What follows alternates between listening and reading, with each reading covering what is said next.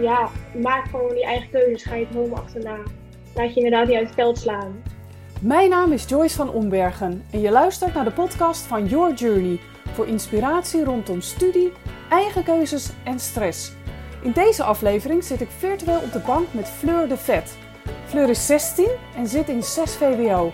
Toen het centraal examen vorig jaar niet doorging, zag zij dit als een mooie aanleiding om haar stem te laten horen en startte ze een petitie om het centraal examen voor goed te schrappen. We hebben nu een begin doordat het vorig jaar is afgeschaft. Laten we dan nu ook doorzetten en laten we dan nu dit jaar ook afschaffen. Want nu is, is wat mij betreft het moment. Dit bleef niet onopgemerkt en inmiddels is ze zelfs lid van de Raad van Advies van de Taskforce Ontwikkelingsgericht Onderwijs. Fleur is van mening dat er veel meer naar jongeren geluisterd moet worden en vindt dat het huidige systeem niet motiveert. Kan ik jou daarmee helpen? Hoe gaan we dat aanpakken? En samen echt een gepersonaliseerd plan maken van hoe komen wij samen deze periode door. Ze gelooft meer in maatwerkdiploma's, in het opbouwen van een portfolio en vindt dat bepaalde levensvaardigheden zoals leren plannen, omgaan met stress en leren hoe je bijvoorbeeld een verzekering afsluit, standaard onderdelen van het lesaanbod zouden moeten zijn. Ga er maar weer lekker voor zitten of luister hem onderweg en laat je inspireren door een jonge dame die niet bang is zich uit te spreken en kritiek vooral ziet als een kans om te groeien. Veel luisterplezier! Goedemiddag Fleur! Goedemiddag! Wat ontzettend leuk om jou te spreken nadat ik jou uitgenodigd heb eigenlijk op LinkedIn. En jij spontaan ja, ja zei toen ik zei, mag ik je interviewen? Ja, natuurlijk. Ik superleuk altijd. Dus. Ja, en jou, mijn uh, aandacht uh, naar jou kwam eigenlijk door een artikel wat ik las op uh, nieuws.nl. En waarin jij ja, uitgebreid geïnterviewd ook werd over iets heel bijzonders wat jij vorig jaar hebt gedaan. En ja. de luisteraars, Fleur de Vet, uh, sprak zich vorig jaar nogal uh, ja, dapper uit, vind ik, stoer, over een onderwerp wat heel veel jongeren aangaat, namelijk het centraal examen. Wat ja. gebeurde er vorig jaar? Neem ons eens mee in wat er toen gebeurde. Ja, um, nou, ik was vorig jaar eigenlijk heel erg bezig met mezelf. Van wat wil ik nou na uh, de middelbare school gaan doen? Of wil ik gaan studeren? Um, en toen ben ik eigenlijk steeds meer na gaan denken over het onderwijs. Omdat ik toch merkte dat die richting mij heel erg trok. En toen ging het over centraal examen. En ja, papa en mama zitten natuurlijk allebei in het onderwijs. Dus voor ons thuis er wel veel over gesproken. En op een gegeven moment dacht ik, ja, wat is het eigenlijk ook voor, voor ouderwets iets eigenlijk? En daar moeten we gewoon van af. En toen ben ik een petitie gestart. Uh, sta op voor onderwijs, het centraal examen. Samen met een vriendin. En um, ja, zo is het een beetje begonnen allemaal. Ongelooflijk, want jij bent, je was toen 16 ook?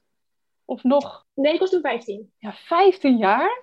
En dan ga je ja. dus nadenken over je vervolgstudie, onderwijs. Nou, het gezin, hè? een en al onderwijs. Of mensen die in het onderwijs werken. Ja. Maar dan ben je 15 en dan zeg je, ik start een petitie. Want het moet gewoon klaar zijn met het centraal examen. Wauw. Ja. Dat is natuurlijk best, voor, hè, als we nu jongens, uh, jongeren luisteren, denk 15, hoe durf je dat? Hoe pak je zoiets aan? Nou, ik moet zeggen, eerst dacht ik ook zelf van, nou ja, gaat het wel lukken? Ik bedoel, een petitie, zeg maar, als je een burgerinitiatief is dus als je dat in de Tweede Kamer wil hebben, moet je toch 40.000 handtekeningen hebben. Ik dacht, nou, dat gaat het niet worden, dan ga ik het ook niet proberen. Maar uh, toen zeiden mama en papa van, ja, dat moet je gewoon doen. En uh, gewoon kijken hoe, hoe alles loopt en hoe ver je komt. En toen dacht ik, ja, waarom ook niet? ik heb niet echt iets te verliezen, dus... Ongelooflijk. En toen heb je dus een vriendin gevraagd, want je zei, ik deed het samen met een vriendin. Ja. En, en heel praktisch, hoe werkt dat? Want jij geeft aan, nou, 40.000 handtekeningen heb je nodig voor een petitie. Dus je had al wel iets onderzoek gedaan. Ga je dan Ja. gewoon beginnen? Wat doe je? Zet je social media in? Hoe werkt zoiets? Ehm, nou, we hebben eerst even gezocht hoe het inderdaad zat met een burgerinitiatief, want daar hangen best wel veel eisen aan. Dus je moet acht- 18 jaar of ouder zijn, je moet een Nederlandse nationaliteit hebben. Ehm, het moet echt een, zeg maar, de stelling die je hebt moet echt wel iets zijn, geen algemeen ding. Ehm, en ja, heel veel eisen zaten eraan vast. Die hebben we toen opgeschreven. Gedacht, oké, hoe gaan we dit dan nu onder de aandacht brengen? Toen heb ik een site gemaakt. En toen zijn we eigenlijk gewoon begonnen met het verspreiden van het initiatief.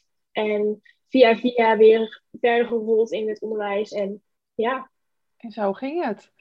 Twee Ja. vragen komen er bij mij op. Eén, je zegt je moet 18 zijn om hem in te dienen. En jij was 15. Ja. Hoe deed je dat? ja. Eh, nou, het was dus maar als we de 40.000 zouden halen, wat nu niet het geval is, maar eh, dan mag ik hem dus ook niet indienen.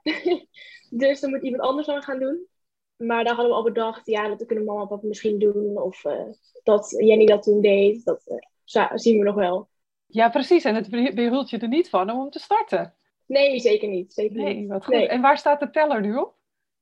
Ongeveer 1150 handtekeningen. Nou, dat is wel al een heel dus, knap begin. Ja. We hebben, nog, we hebben nog wat te gaan, maar het is, het is een begin. Het is een begin. En je hebt de website gemaakt, social media. Het gaat natuurlijk allemaal helpen. Nou, wellicht dat dit interview ook weer gaat helpen. Dat jongeren luisteren en denken, hey, ik ben het eens met Fleur, waar kan ik tekenen? Dus we gaan uiteraard ook de link naar de website uh, vermelden, want dat gaat zeker helpen. Wat maakt dat jij daar zo'n stellige mening over hebt? Wat maakt dat je zegt dat centraal examen, stop daarmee? Nou, vorig jaar is het natuurlijk afgeschaft uh, vanwege corona. En heel veel mensen zullen, ja, hadden in het begin zoiets van...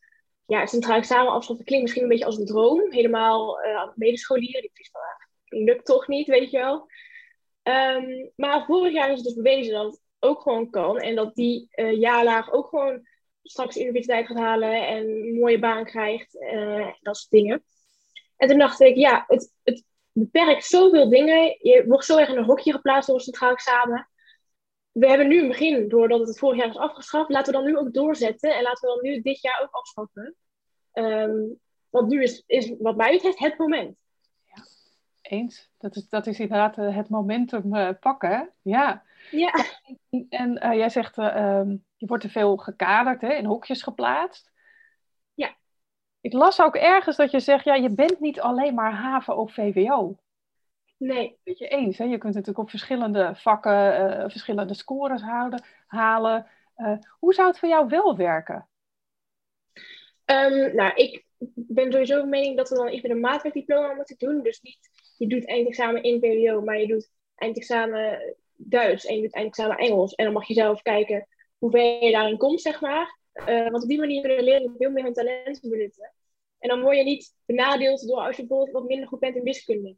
Dat je daarom niet je Engels op VWO kan doen. Ja, dus, dus echt een maatwerkdiploma.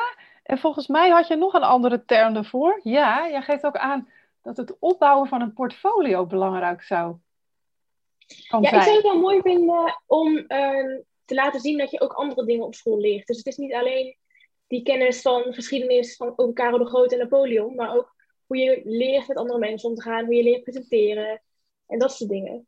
Ja, ja de, echte, de, de andere vaardigheden die eigenlijk vaak op school, ja, misschien bij maatschappijleer een beetje uh, voorbij komen, maar echt levenslessen, hè?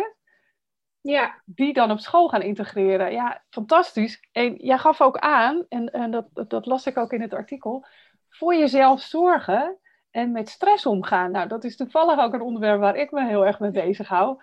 Hoe belangrijk is dat inderdaad om daar op tijd iets over te leren? Want ja, op schoolstandaard wordt er nu geen les in gegeven. Hoe zou jij dat zien? in de huidige, eh, eh, ja, toch wel ingewikkelde situatie, coronasituatie, waarin veel jongeren last van stress hebben.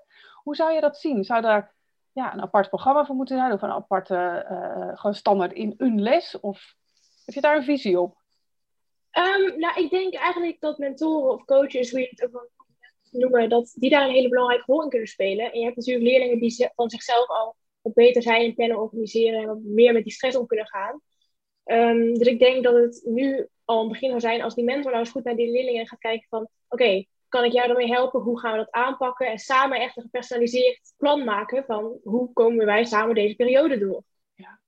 En dan zullen er uh, mentoren zijn die zeggen, ja, maar ja, ik heb 30 leerlingen in zo'n, in zo'n klas. Hoe dan? Daar heb ik toch helemaal geen tijd voor. Hoe kijk je daar naar? Ja, ik snap natuurlijk dat docenten het ook allemaal heel druk hebben. Maar um, ja, van die 30 leerlingen hebben nooit alle 30 natuurlijk de meest intensieve hulp nodig. De meest intensieve begeleiding nodig. Um, ik weet van mezelf dat ik wel prima kan plannen en organiseren. Dus je kunt mij daarin wel wat, wat, wat dat betreft loslaten. Um, maar van die 30 hebben er misschien vijf of zes of misschien wel tien leerlingen wel die begeleiding nodig. En ja, jij bent toch de mentor. Uh, regel maar iets, zou ik zeggen. Ja, ja, ja. Ga er maar naar kijken. En, en misschien zelfs een laag daarboven, hè? Die, uh, ja, daar wellicht uh, een, een, stap in kunnen zetten om de mentoren ook te faciliteren om het te doen. Nou heb ik begrepen dat er vanuit de overheid ook extra geld beschikbaar wordt gesteld. Juist om uh, ja, ook de leerlingen, maar ook de leraren door deze moeilijke periode te, te trekken. Dus hopelijk gaat dat helpen. Hè, dat er echt gewoon extra geld beschikbaar is om dingen in te huren of in te, ja, in te kopen wellicht. En ja, maar dat is nog niet het hele nieuwe onderwijs. Wat jou betreft mag het dus echt wel helemaal op de schop. Als ik je goed beluister. Ja, ja en ik hoop ook dat dat geld inderdaad, wat er nu beschikbaar wordt gesteld, ook niet gebruikt wordt voor de zogenaamde leerachterstanden alleen, maar ook gewoon voor vernieuwing. En ga dan verder kijken dan alleen die achterstanden, wat ik sowieso al een vervelend woord vind. Maar ga dan ook kijken naar, het, naar de vernieuwing van onderwijs. Ja, ik las ergens in een artikel laatst dat het uh, een leefachterstand werd genoemd. En ik ben het met je eens, achterstand klinkt, ja, kan best wel negatief klinken. Met leefachterstand dacht ik, nou, daar kan ik wel meer mee. Want ja, dat leren, dat, dat, ja, dat halen jullie wel in op het moment dat je het ook weer echt tot je kunt nemen. Hè? Want er zijn best veel jongeren die zoveel last van stress hebben, dat het niet eens meer blijft plakken. Dat ze zijn ja, en... hard aan het leren zijn, maar het blijft gewoon niet hangen. Nee, ja, en weet je, je blijft als, als leerling jezelf toch ontwikkelen. Het is niet zo dat wij afgelopen jaar stil zijn blijven staan. Uh, dus ik vind dat er in de media als dan gesproken wordt over zulke enorme lerenachterstanden en je hebt drie jaar bijna nodig om het bij te werken, dan denk ik echt, waar gaan we met z'n allen naartoe? Ja, Daar klopt helemaal niks van. Nee, nee, mooi dat je dat zegt, want in dit jaar hebben we denk ik juist ook hele andere belangrijke lessen geleerd. Ja, ja en niet alleen leerlingen, ik denk ook dat docenten er heel veel van hebben geleerd. De manier van lesgeven wordt natuurlijk ook iets heel anders van je gevraagd. Exact, ja. En, en kun je daarin mee, hè? zowel de leerlingen als de leraren, ja, kun je omschakelen naar eh, een manier, nieuwe manier van leren. Zou jij, uh, want daar hebben ze natuurlijk een mooi woord voor tegenwoordig, het hybride leren, de combinatie van, uh, van een aantal manieren. Hoe zou het voor jou perfect zijn? Nu hebben we voorheen natuurlijk volledig offline, nu zitten we bijna volledig online. Hoe zou voor jou de ideale, ideale wereld eruit zien? Nou, ik heb altijd gezegd, uh, ik zit toch liever gewoon live in een les. Gewoon dat een docent voor me staat en die lekker kan vertellen. Um, dat vind ik toch het fijnste. Maar wat ik wel echt een enorm voordeel vond van de online lessen, is dat ik zelf dagen in kon plannen. Je had dan wel lessen natuurlijk die je volgde. Maar als ik dacht, nou ja, die Engelsles, dat lukt me wel. Ik, ik ga me focussen op wiskunde. Kan ik gewoon in die les wiskunde gaan maken. Terwijl als ik live voor die docent zit en ik sla een wiskundeboek open, dan denkt hij ook van, nou, hey, uh, let gewoon even op. Dus dat vond ik wel echt een heel groot voordeel. Dus wat dat betreft zou hybride les, lessen misschien wel een oplossing zijn. Maar gewoon voor het opnemen van de lesstof vind ik het fijner om echt in de les te zitten. Ja, oké. Ja, duidelijk. Hè? En ik begreep ook dat jij het zo belangrijk vindt dat er gepraat wordt met de jongeren. En hè, nu zeg je het wordt door de politiek bepaald. En vraag het aan onszelf. Dus ja. hoe zou dat, hè, als we het ook weer de ideale wereld, hoe zou dat eruit kunnen zien? Eh, hoe kunnen jongeren zich verenigen of hè, onder andere door jouw petitie bijvoorbeeld te tekenen, maar wellicht is er nog iets anders te bedenken waardoor de politiek ook echt beter naar de jeugd gaat luisteren. Ja, ja daar heb ik zelf ook nog niet helemaal een antwoord op. Dat is wel iets waar ik echt naar aan het zoeken ben. Ehm, en ik weet gelukkig dat heel veel andere mensen er ook naar aan het zoeken zijn, dus dat is alleen al goed. Maar ja, ik zou toch beginnen dan met die politiek. Nodig jongeren uit, ga met ze in gesprek. Uh, vraag wat ze ervan vinden. En ja, ik denk dat we vanaf daar maar moeten gaan beginnen. Ja, en dat zou natuurlijk zelfs online kunnen. Ja, zeker. We hebben nou laten zien in een dag of drie zijn we allemaal geschakeld van helemaal online, offline naar helemaal online. Dus het kan allemaal. Het kan, ja. ja waarvan voorheen gezegd wordt, ja dat kan niet, uh, hebben we natuurlijk met elkaar laten zien dat dat wel degelijk kan. Of het ideaal is, is inderdaad de vraag. Jij geeft ook aan, hè, liever uh, live. Ik ben zelf ook fan van de combinatie. Hè. Live gewoon bij elkaar zitten. Uh, in combinatie met online vind ik zelf ook uh, het allerprettigst. Maar goed, er zijn allerlei manieren te bedenken. Allerlei oplossingen te bedenken. En praat met de jeugd. Ik ben het helemaal met je eens. Want ja, jullie zijn uiteindelijk de toekomst. Dus het systeem is best verouderd. er wordt wel eens geroepen, worden opgeleid voor het verleden. Dus ja. Uh, ja. ja. Als jij kijkt naar, uh, nogmaals, naar die uh, levensvaardigheden, welke zou je het allerbelangrijkste vinden? Welke zeg je nou, deze die had er echt al 50 jaar in moeten zitten? Ja, ik denk, ik, weet, ik vind het lastig maar één te kiezen. Ik denk dat, ja, ik zie nu heel veel leerlingen om me heen worden 18. En die moeten een zorgverzekering gaan afsluiten. En die moeten dan met de belasting gaan ze heen en weer schuiven. En ja, dan merk ik eigenlijk dat er zoveel eigenlijk van zoveel dingen geen idee hebben hoe het allemaal moet in, in de grote mensenwereld, als ik zo mag zeggen. En ik heb dan zelf bedrijfseconomie. Daar heb ik wel, ja, je krijgt wel wat van belastingen mee. Ik zou wel ongeveer weten hoe het werkt, maar er zijn zoveel leerlingen die gewoon echt nu geen flauw benul hebben wat ze moeten doen. Daar kan ik me best iets bij voorstellen. En dan denk ik, ja, maar daar zijn wel de dingen die we straks gewoon moeten kunnen. Klopt, ja. En dat is nu uh, eigenlijk uh, ligt het bij de ouders. Hè? En uh, ja, ja ik weet dat veel ouders ook zeggen, ja, kunnen wat, een aantal dingen die wat meer ook op school besproken worden. School zegt hè, van bepaalde dingen juist, ja, daar zijn de ouders voor. Maar wat jou betreft ja. zou het gewoon standaard erin moeten zitten. Gewoon een aantal basisvaardigheden leren, ja, die je nodig hebt in de grote mensenwereld inderdaad. Ja. Ja, ja, ja ik, ik, ik heb een keer een podcast opgenomen met iemand, uh, uh, dat ging over sparen en beleggen. En die zei, ja, je zou eigenlijk een soort financieel rijbewijs moeten halen. Nou, wellicht dat hier ook wel iets voor te bedenken is, dat je inderdaad naast je schooldiploma, of dat in dat schooldiploma, uh, dat soort vaardigheden gewoon standaard inzitten. En dan is de naam ja. natuurlijk niet zo interessant, maar ben je het daarmee eens? Ja. ja, zeker. En verder is het natuurlijk gewoon heel belangrijk om te leren samenwerken en presenteren. Maar dat zijn dingen die ik dan wel weer meer terug zie komen op school natuurlijk. Ja, ja die komen inderdaad standaard wel voorbij. En jij gaf ja. uh, uh, ook aan, geef ons vrijheid en vertrouwen. Die viel mij op. Toen dacht ik, wauw, ja.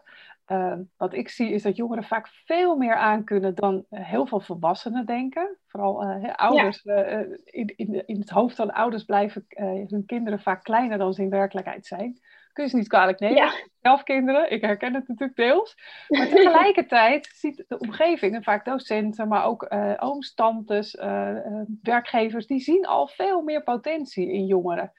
En ja, daar, om daar een verandering in te maken, en jij geeft aan, hè, geef ons vrijheid en vertrouwen.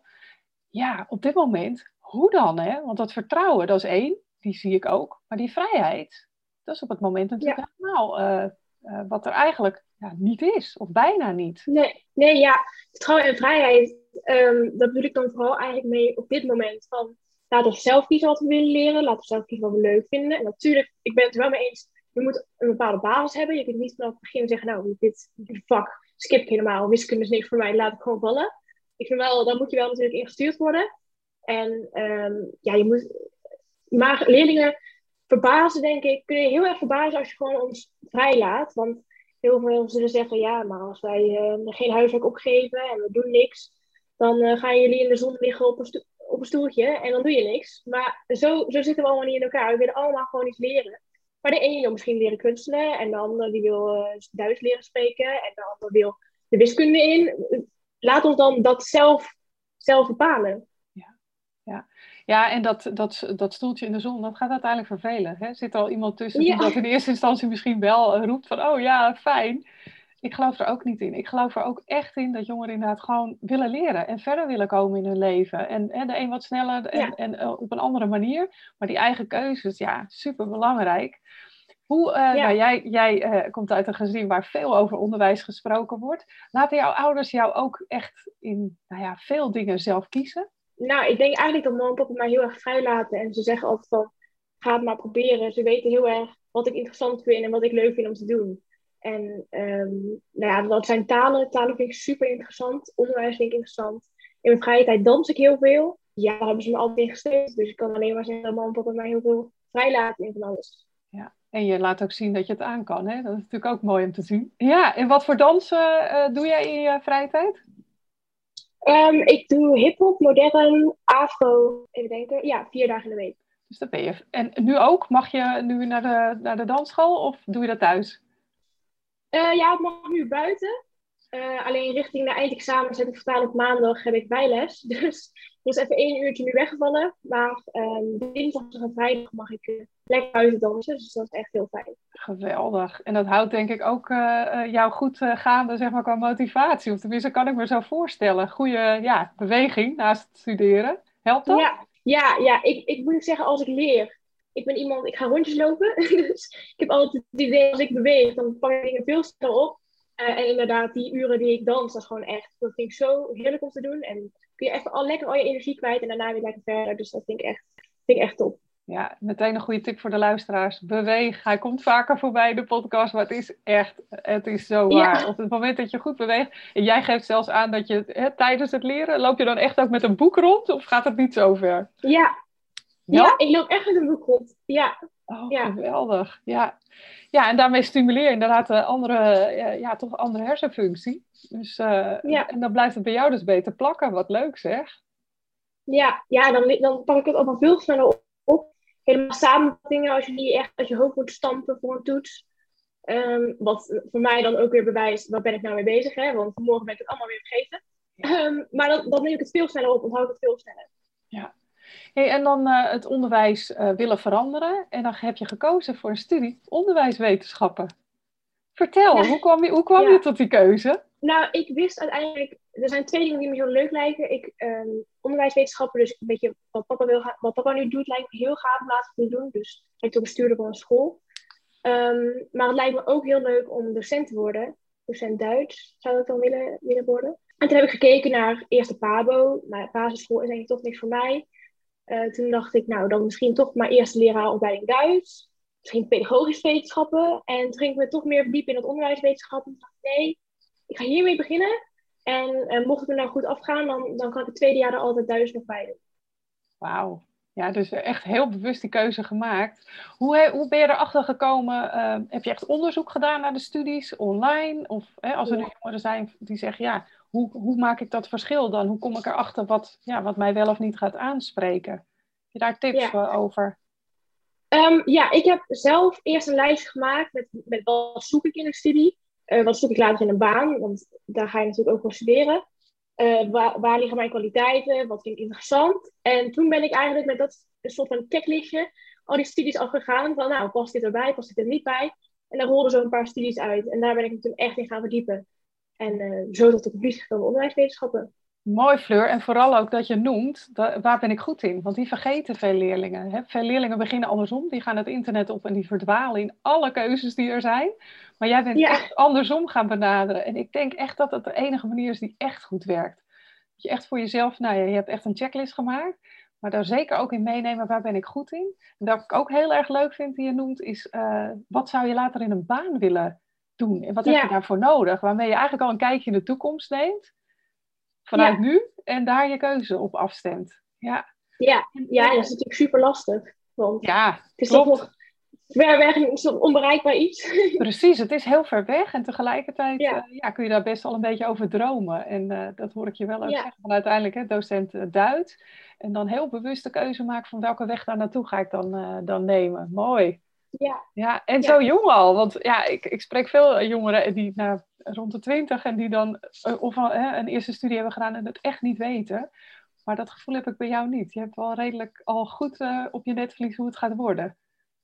Ja, ja, ik hoop dat ik inderdaad de keuze heb gemaakt. En zo niet, ja, komen we snel genoeg achter, denk ik. Ja, want geloof, geloof je in uh, verkeerde keuzes? Nou, ik denk nooit dat je een verkeerde keuze kan maken. Ik denk altijd dat als je iets gedaan hebt, je leert er altijd iets van. En je, je komt jezelf er ook weer uh, mee tegen.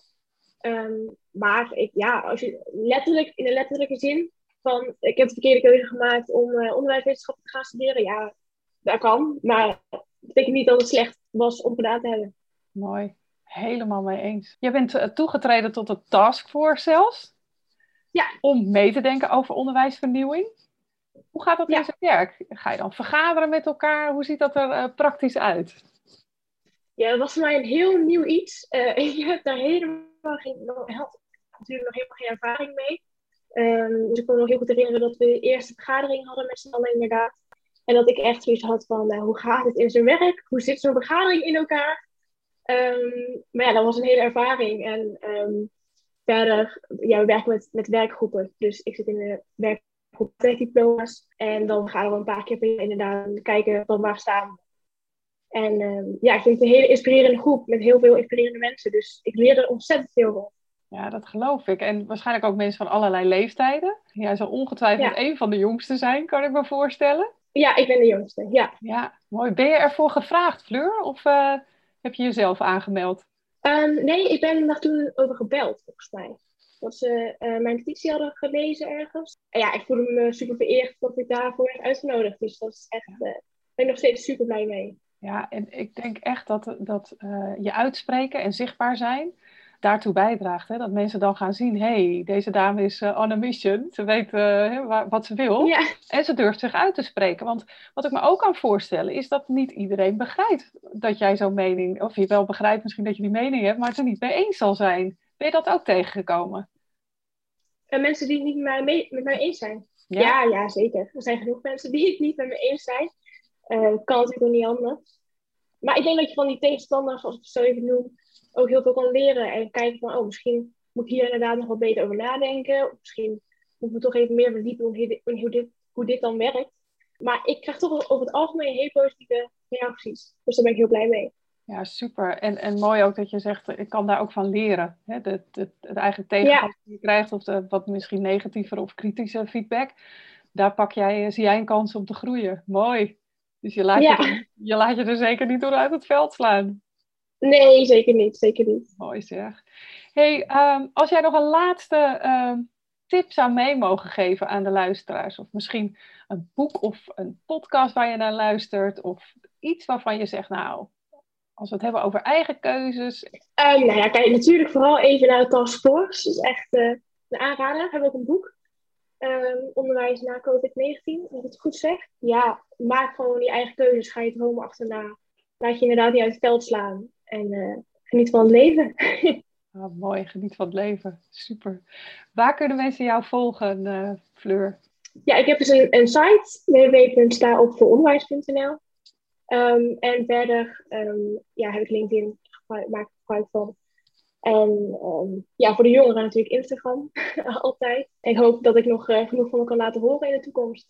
Ongetwijfeld, ik ben ervan overtuigd. En uh, ik zal alle kanalen nog even noemen in, uh, in de outro, zodat als jongeren jou willen volgen en willen steunen, want daar, daar ben je natuurlijk ook heel blij mee met elke handtekening. Ja, dat is er weer één. Ja. Die zal ik ja. in de outro benoemen. En dan wil ik jou bedanken voor dit mooie gesprek. Dankjewel. Ja, hetzelfde. Heel erg bedankt. Hiermee kom ik aan het eind van deze aflevering. Heb je een vraag? Je vindt me op Instagram via yourjourney.a. Ik vind het super leuk om daar met je te connecten. Fleur vind je op Instagram op Fleur de Vet. Dat is met V-E-T-H underscore. En via LinkedIn op Fleur de Vet. Om haar petitie te steunen ga je naar haar website staopvooronderwijs.nl. En de Taskforce Ontwikkelingsgericht Onderwijs vind je op taskforceoo.nl. En kun jij wel wat hulp gebruiken bij het maken van keuzes rondom studiewerk of tussenjaar? Of wil je leren dealen met stress in plaats van er tegen te vechten? Ga dan naar yourjourney.academy en download mijn gratis videoserie of 30 tips tegen stress. Wil je geen aflevering meer missen? Abonneer je dan op deze podcast. En ken je iemand voor wie deze aflevering interessant is? Deel hem dan via je socials. Hiermee help je mij om nog meer jongeren te bereiken. En ben of ken je iemand met een inspirerend verhaal? Mail me dan op info@yourjourney.academy. Bedankt voor het luisteren en tot de volgende keer.